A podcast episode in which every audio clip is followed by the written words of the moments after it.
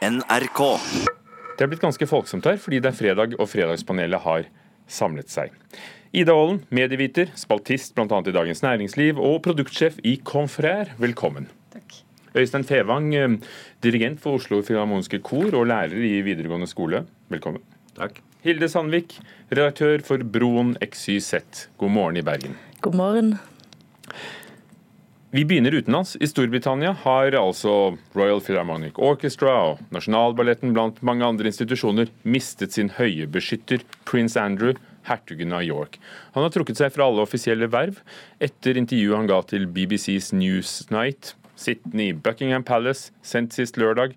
Det handlet om at han hadde bodd hos finansmannen Jeffrey Epstein i New York etter at Epstein var dømt for overgrep. But you were staying at the house of Yes. a convicted sex offender. It was a convenient place to stay. There was, I mean, I mean, I've gone through this in my mind so many times. At the end of the day, um, uh, uh, with the benefit of all the hindsight that one can have, um, it was definitely the wrong thing to do. Um, but at the time, I felt it was the it was the honourable and right thing to do. Det virket den gangen som det riktige og ærefulle å gjøre, men eh, i etterkant så skjønte jeg at det var helt feil. Sa prins Andrew, og intervjuet varer en hel pinefull time. Fikk hertugen av York de rette PR-råd, Hilde Sandvik? Nei, å- åpenbart. Ida Ålen? Eh, Ja, med en tvist. Øystein Fevang? Nei, men et eh, lite ja, som jeg kan si etterpå. Men Hilde Sandvik, eh, det kommer jo litt an på hva man vil. Hvis man vil vise seg frem, så, så var det kanskje akkurat dette intervjuet han skulle gi? Ja, jeg tenker at han burde jo selvfølgelig gi det intervjuet, men det er et, det er et fryktelig øyeblikk. Og, og eh, altså, kan se seg selv i bakspeilet og se hva var det en var med på, men altså, det å bo hos Jeffrey Epstein, det er jo exit. Altså, det er jo exit i USA og med et skrudd til på en ganske voldsomt måte. Så det her er det jo ganske mange dårlige eh, avgjørelser som er tatt. Men jeg tenker jo at dette må jo få alle til å springe i bokhandelen og kjøpe Inger Merete Hobbelstad sin nye bok eh, 'Åren med Elisabeth den andre', eh, som jeg tror kommer til å gi noen sånne fine bilder for hva denne familien egentlig er i stand til å gjøre. og det har jo stormer rundt denne kongefamilien ganske lenge. Eller dronningfamilien, er det vel rettere å si. BBCs kommentator sa at dette aldri hadde skjedd om prins Charles hadde vært i landet. Men hva sier du, eh, Ida Du mener at det kanskje ikke var så, var så gærent? Eh, Det var sikkert en dårlig idé for eh, prins Andrew på kort sikt. Eh, Så sånn så kan man si Hvis det var målet, eh, så var det jo det dårlige råd. Men kanskje for å få mm, sann, sannheten fram, så føles det ut som det kanskje var det som skjedde. Men, Sannheten var jo ikke der, det var jo det som var poenget. At Han benekter f.eks. at han noensinne har truffet denne jenta, og det er beviselige bilder på at han har møtt henne, f.eks. La meg skyte inn en liten faktaramme. Altså, han ble anklaget for å ha hatt sex med en som på et visst tidspunkt tidligere var mindreårige. Eh, Hun sier dette. Han påstår at eh, dette aldri har funnet sted og kunne ikke ha funnet sted, men blir litt svar skyldig, kan vi vel grovt oppsummere. Og Jeffrey Epstein er jo da finansmannen som døde i fengsel. Den offisielle versjonen er at det var selvmord. Han blir i hvert fall blottet for all troverdighet i løpet av det intervjuet. Og jeg synes egentlig eh, veldig mange av lydklippene blir jo gjerne liksom, hvor dårlige svar han også gir. Men det som forsvinner litt da, er jo at mye av grunnen til at det går så dårlig for han også, er jo fordi at han blir eh, intervjuet av en veldig dyktig og veldig skarp journalist som stiller veldig klarer nettopp å avkle han sånn som hun gjør. Og det, ja, Skal vi la gå videre, kanskje? Nei, si, eh, fullfør det. Jo, og det som jeg synes er kjempeinteressant med det, for de siste forrige uke så hadde vi litt diskusjon i Norge. Skal menn som er innblandet i metoo-skandaler, i hvor stor grad skal de få lov til å komme til tale? Og det viser jo at det er jo ikke noe problem i seg selv at de får komme til tale hvis du faktisk stiller opp med en journalist som intervjuer dem og stiller ordentlig kritiske spørsmål, istedenfor sånn 'Å, har du hatt det vanskelig i intervju', da? Øystein Fevang, er det, er det umusikalsk, dette intervjuet med prinsen? Eh, programlederen er jo ganske musikalsk. En tydelig dirigent, vil jeg si. Eh, men eh, han, burde jo, han burde jo ikke stilt opp der, hvis du ser det fra hans side. Det er jo dårlig, Han må jo ha fått noen dårlige råd. Det vil si han fikk et godt råd av han eh, Jason Stein, som han hyra inn for, eh, for et par måneder siden. For å redde for sitt å, gode navn, eller i hvert fall for å redde sitt navn og rykte? Nettopp, men han ga jo, ga jo sparken. Nettopp fordi han, eh, han eh, var uenig i at ikke Altså, Jason Stein ville ikke at han skulle stille til dette intervjuet. Han ville tvert imot at han skulle vente og heller gi et intervju til et par aviser. Eh, og Det er jo litt enklere å forholde seg til enn oppfølgingsspørsmål og pågående journalist. Eh, men de andre rådene det må jo ha vært en eh, katastrofe, tenker jeg. Altså, det, han, han, han, stiller opp uten noen betingelser. Hun får lov til å grille den om igjen og om igjen om igjen i 50 minutter. Det er jo ikke, det er jo ikke vanlig kutyme fra Buckingham Palace. Det. Da får de lov til å stille et spørsmål eller tre om den saken, og så må de i hvert fall innom et par andre saker, sånn at det helhetsinntrykket blir litt bedre. Men det er jo òg fordi at hvis når han først skulle snakke, eh, og han åpenbart kommer med løgner, det er jo noe som en god rådgiver ville sagt at OK, hvis du skal først stille her, så må vi tenke på hva skal du møte disse spørsmålene med. Og det kan godt være at det å legge alle kort på bordet hadde vært en mye bedre situasjon for han i in the long run. Absolutt. Er det Hilde Sandvik som garvet redaktør, er det lærebok i god intervjuteknikk? Ja, altså intervjuet er godt. Men så er jo òg han uhyre klønete. Det er jo fascinerende nok.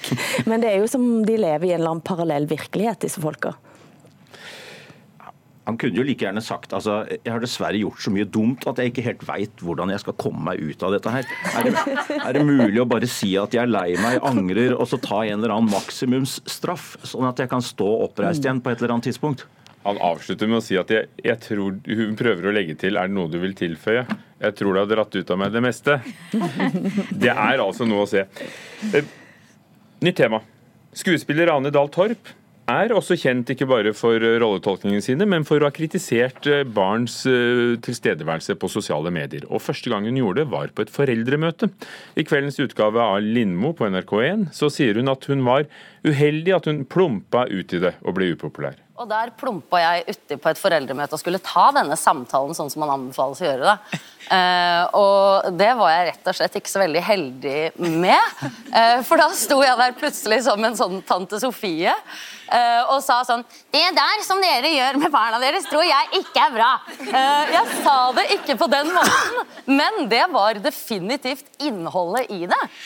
Og denne uken sa også digitaliseringsministeren faktisk digitaliseringsministeren Nikolai Astrup til Klassekampen og så hos oss og så alle andre steder eh, at barn under 13 år ikke bør få smarttelefon i det hele tatt. Bør barn ha smarttelefon, Hilde Sandvik? Helt sikkert ikke, men uh, ja. Mm. Mm. Spar på kruttet. Øystein Fevang? Nei.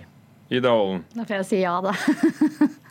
men Du sier ja og later som du ikke mener det, men jeg tror kanskje du mener det likevel? Ja, Vi får se. Ja, altså du Nei. Det som jeg i hvert fall tenker at det gir kanskje marginalt mer mening at eh, det er Nikolai Astrup som er den som skal mene noe i offentligheten om hvorvidt barn skal ha smarttelefoner, enn Ane Dahl Torp.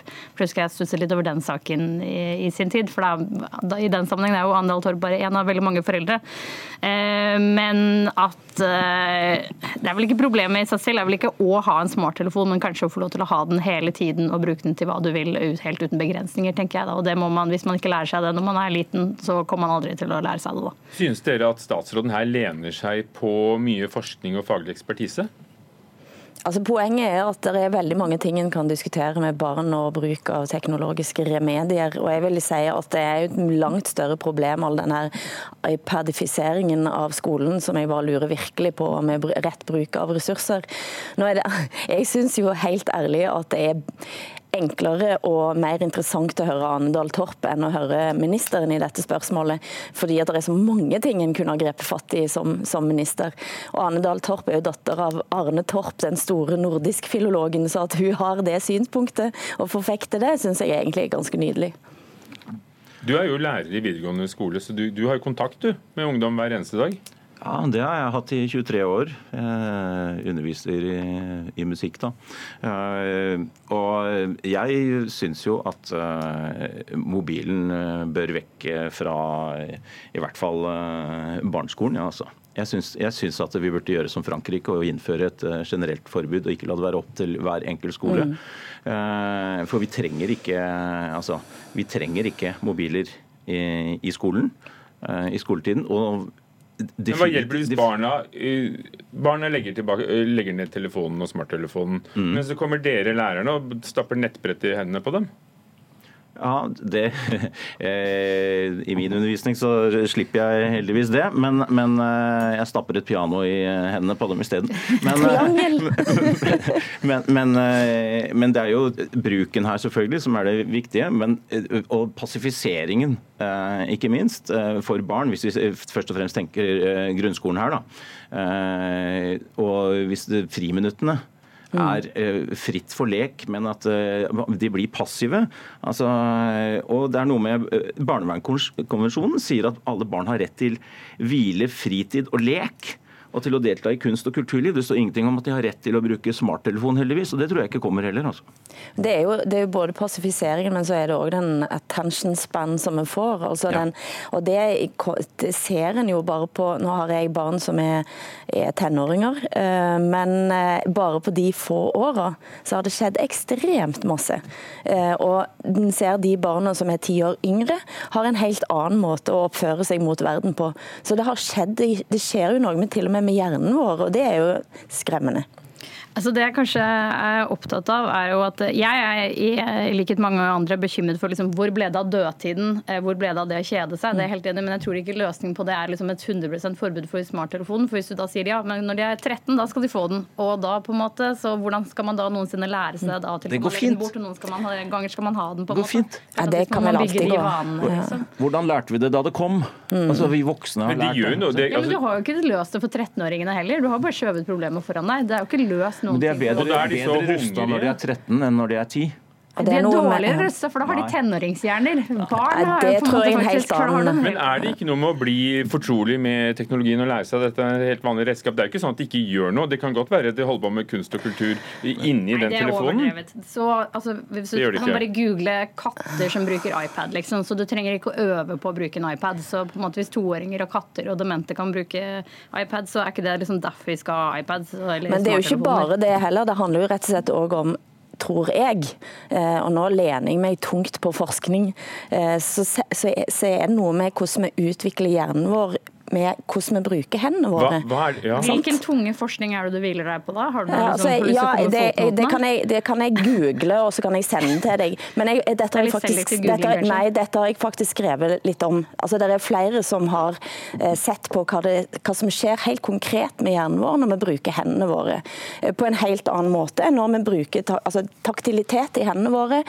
Det stimulerer hjernen. Jeg husker Og det er jeg- reportasjen hvor det det er ble sagt- bekymret for. Skriving, f.eks. Hvis du skriver for hånd, så husker du bedre. det vi finnes det reportasje. Jeg er- avslutter temaet her ved å uh, opplyse om at vi har hatt en reportasje hvor noen forskere mener at eh, håndskrift forbedrer læreevnen. Nettopp, Men det det finnes nettopp. sikkert mye annen forskning også. Eh, og det ligger sikkert noe av den bak eh, når regjeringen introduserer nye læreplaner. Og en av nyhetene er at nynorsk eller bokmål, avhengig av hva du har som sidemål, ikke får egen karakter før du kommer til siste år, tiende klasse i grunnskolen, eller tredje gym, holdt jeg på å si. Altså tredje trinn i videregående skole. Eh, Norges Mållag ved Magne Aasbrenn er selvfølgelig bekymret. Det her er et eh, skritt i, i retning av å ta bort kunnskapen og kompetansen i nynorsken og, og den store norske språkhistoria fra elever over hele landet. Og sånn sett så er det alvorlig negativt for kulturarv. Nå kan jo både bokmål og nynorsk være sidemålet til elever, men er det likevel nynorsk spesielt den nye læreplanen vil gå utover? Sånn helt kort til slutt, som det heter i Dalen. Ja. Øystein Fevang. Ja, men det går bra. Hilde Sandvik. Nei. Det er ikke det. Hvorfor er du så trygg på det når selveste lederen av Mållaget er bekymret? Og jeg er jo selveste nynorsking inne på panelet. Det er jo det jeg vet. Eh, Det har jo ikke akkurat fungert sånn som det har vært, hvis vi skal være helt ærlige. Det har ikke akkurat styrka nynorsken. Og noe av det jeg er veldig glad for, er at nynorsk nå kommer faktisk inn på et mye lavere trinn. For det største problemet er at en har nettopp Ja, en kan vente med smarttelefonen til en er 13, men en kan ikke vente til 13, eh, altså når en blir tenåring, med å introdusere det nynorske. Så nå kommer det inn på et mye lavere trinn. Det tror jeg er veldig bra, for det, er tillæringen og det å være vant med som styrker nettopp den posisjonen som nynorsk kan ha. Jeg tenker, men det, det som en håper på på sikt, er at det kan gjøre noe med eksamensformen, eh, og at en kan tenke det mye mer inn. Men greia her er jo at altfor mange lærere hater å gi nynorskundervisning i tillegg, og det har jo ikke akkurat heller styrka eh, den gleden og gløden som en faktisk kan ha med å lære et skriftspråk som har kanskje både og noe av den fineste litteraturen i vi har, eh, men òg er et så vesentlig identitetsmarkør òg. Da må vi høre med, med læreren vi har til stede her. ja, eh, jeg er jo Jeg har vært eh, motstander mot nynorskundervisningen sånn som den har vært i, siden jeg gikk på videregående selv. Eh, jeg eh, tenker at, at vi eh, Det kommer til å gå bra. Eh, jeg vil ha nynorsk eh, mer som motiva motivasjon. altså mer motivasjon hos lærere, mer motivasjon hos elever. Og jeg tror ikke karakter i alle trinn er med på å motivere. Jeg tror det er med på å demotivere. Jeg er veldig enig veldig med det som eh, Hilde sier her, men det jeg husker selv fra da hadde, da jeg gikk på ungdomsskolen, så var andre fremmedspråk den karakteren teltes ikke. Og da husker jeg vi tenkte å ja, det er, det, det er ikke et ekte fag. Det er bare på liksom, det er bare tullefag. Og da behandlet vi det også deretter. Og derfor kunne ingen av oss tysk eller fransk når vi gikk ut fra ungdomsskolen, fordi det gadd vi ikke bruke energi på. Og nå, den løsningen som er nå, er verken fugl eller fisk. For du har liksom ikke bakt det helt ordentlig inn i norskfag og sagt at det er det det skal være. Du skal Men så én færre karakter i hele karakterer, norsk, så det blir litt sånn, det blir, eh, Nå må de bestemme seg for hvordan de skal gjøre det. Denne løsningen, Jeg er enig at det er masse som ikke fungerer, men den løsningen løser heller ingenting nå. Jeg hører du vil ha siste ord, Hilde Sandvik, så du får det, men det skal være kort. Ja, eh, fordi det handler om å gi, gi gleden i det, rett og slett. Gleden i det. Takk skal dere ha. Hilde Sandvik, redaktør for Broen, XYZ, Ida Ålen, medieviter, skribent og, og produktsjef. Og Øystein Fevang, dirigent og dirigent for Oslo Filharmoniens kor.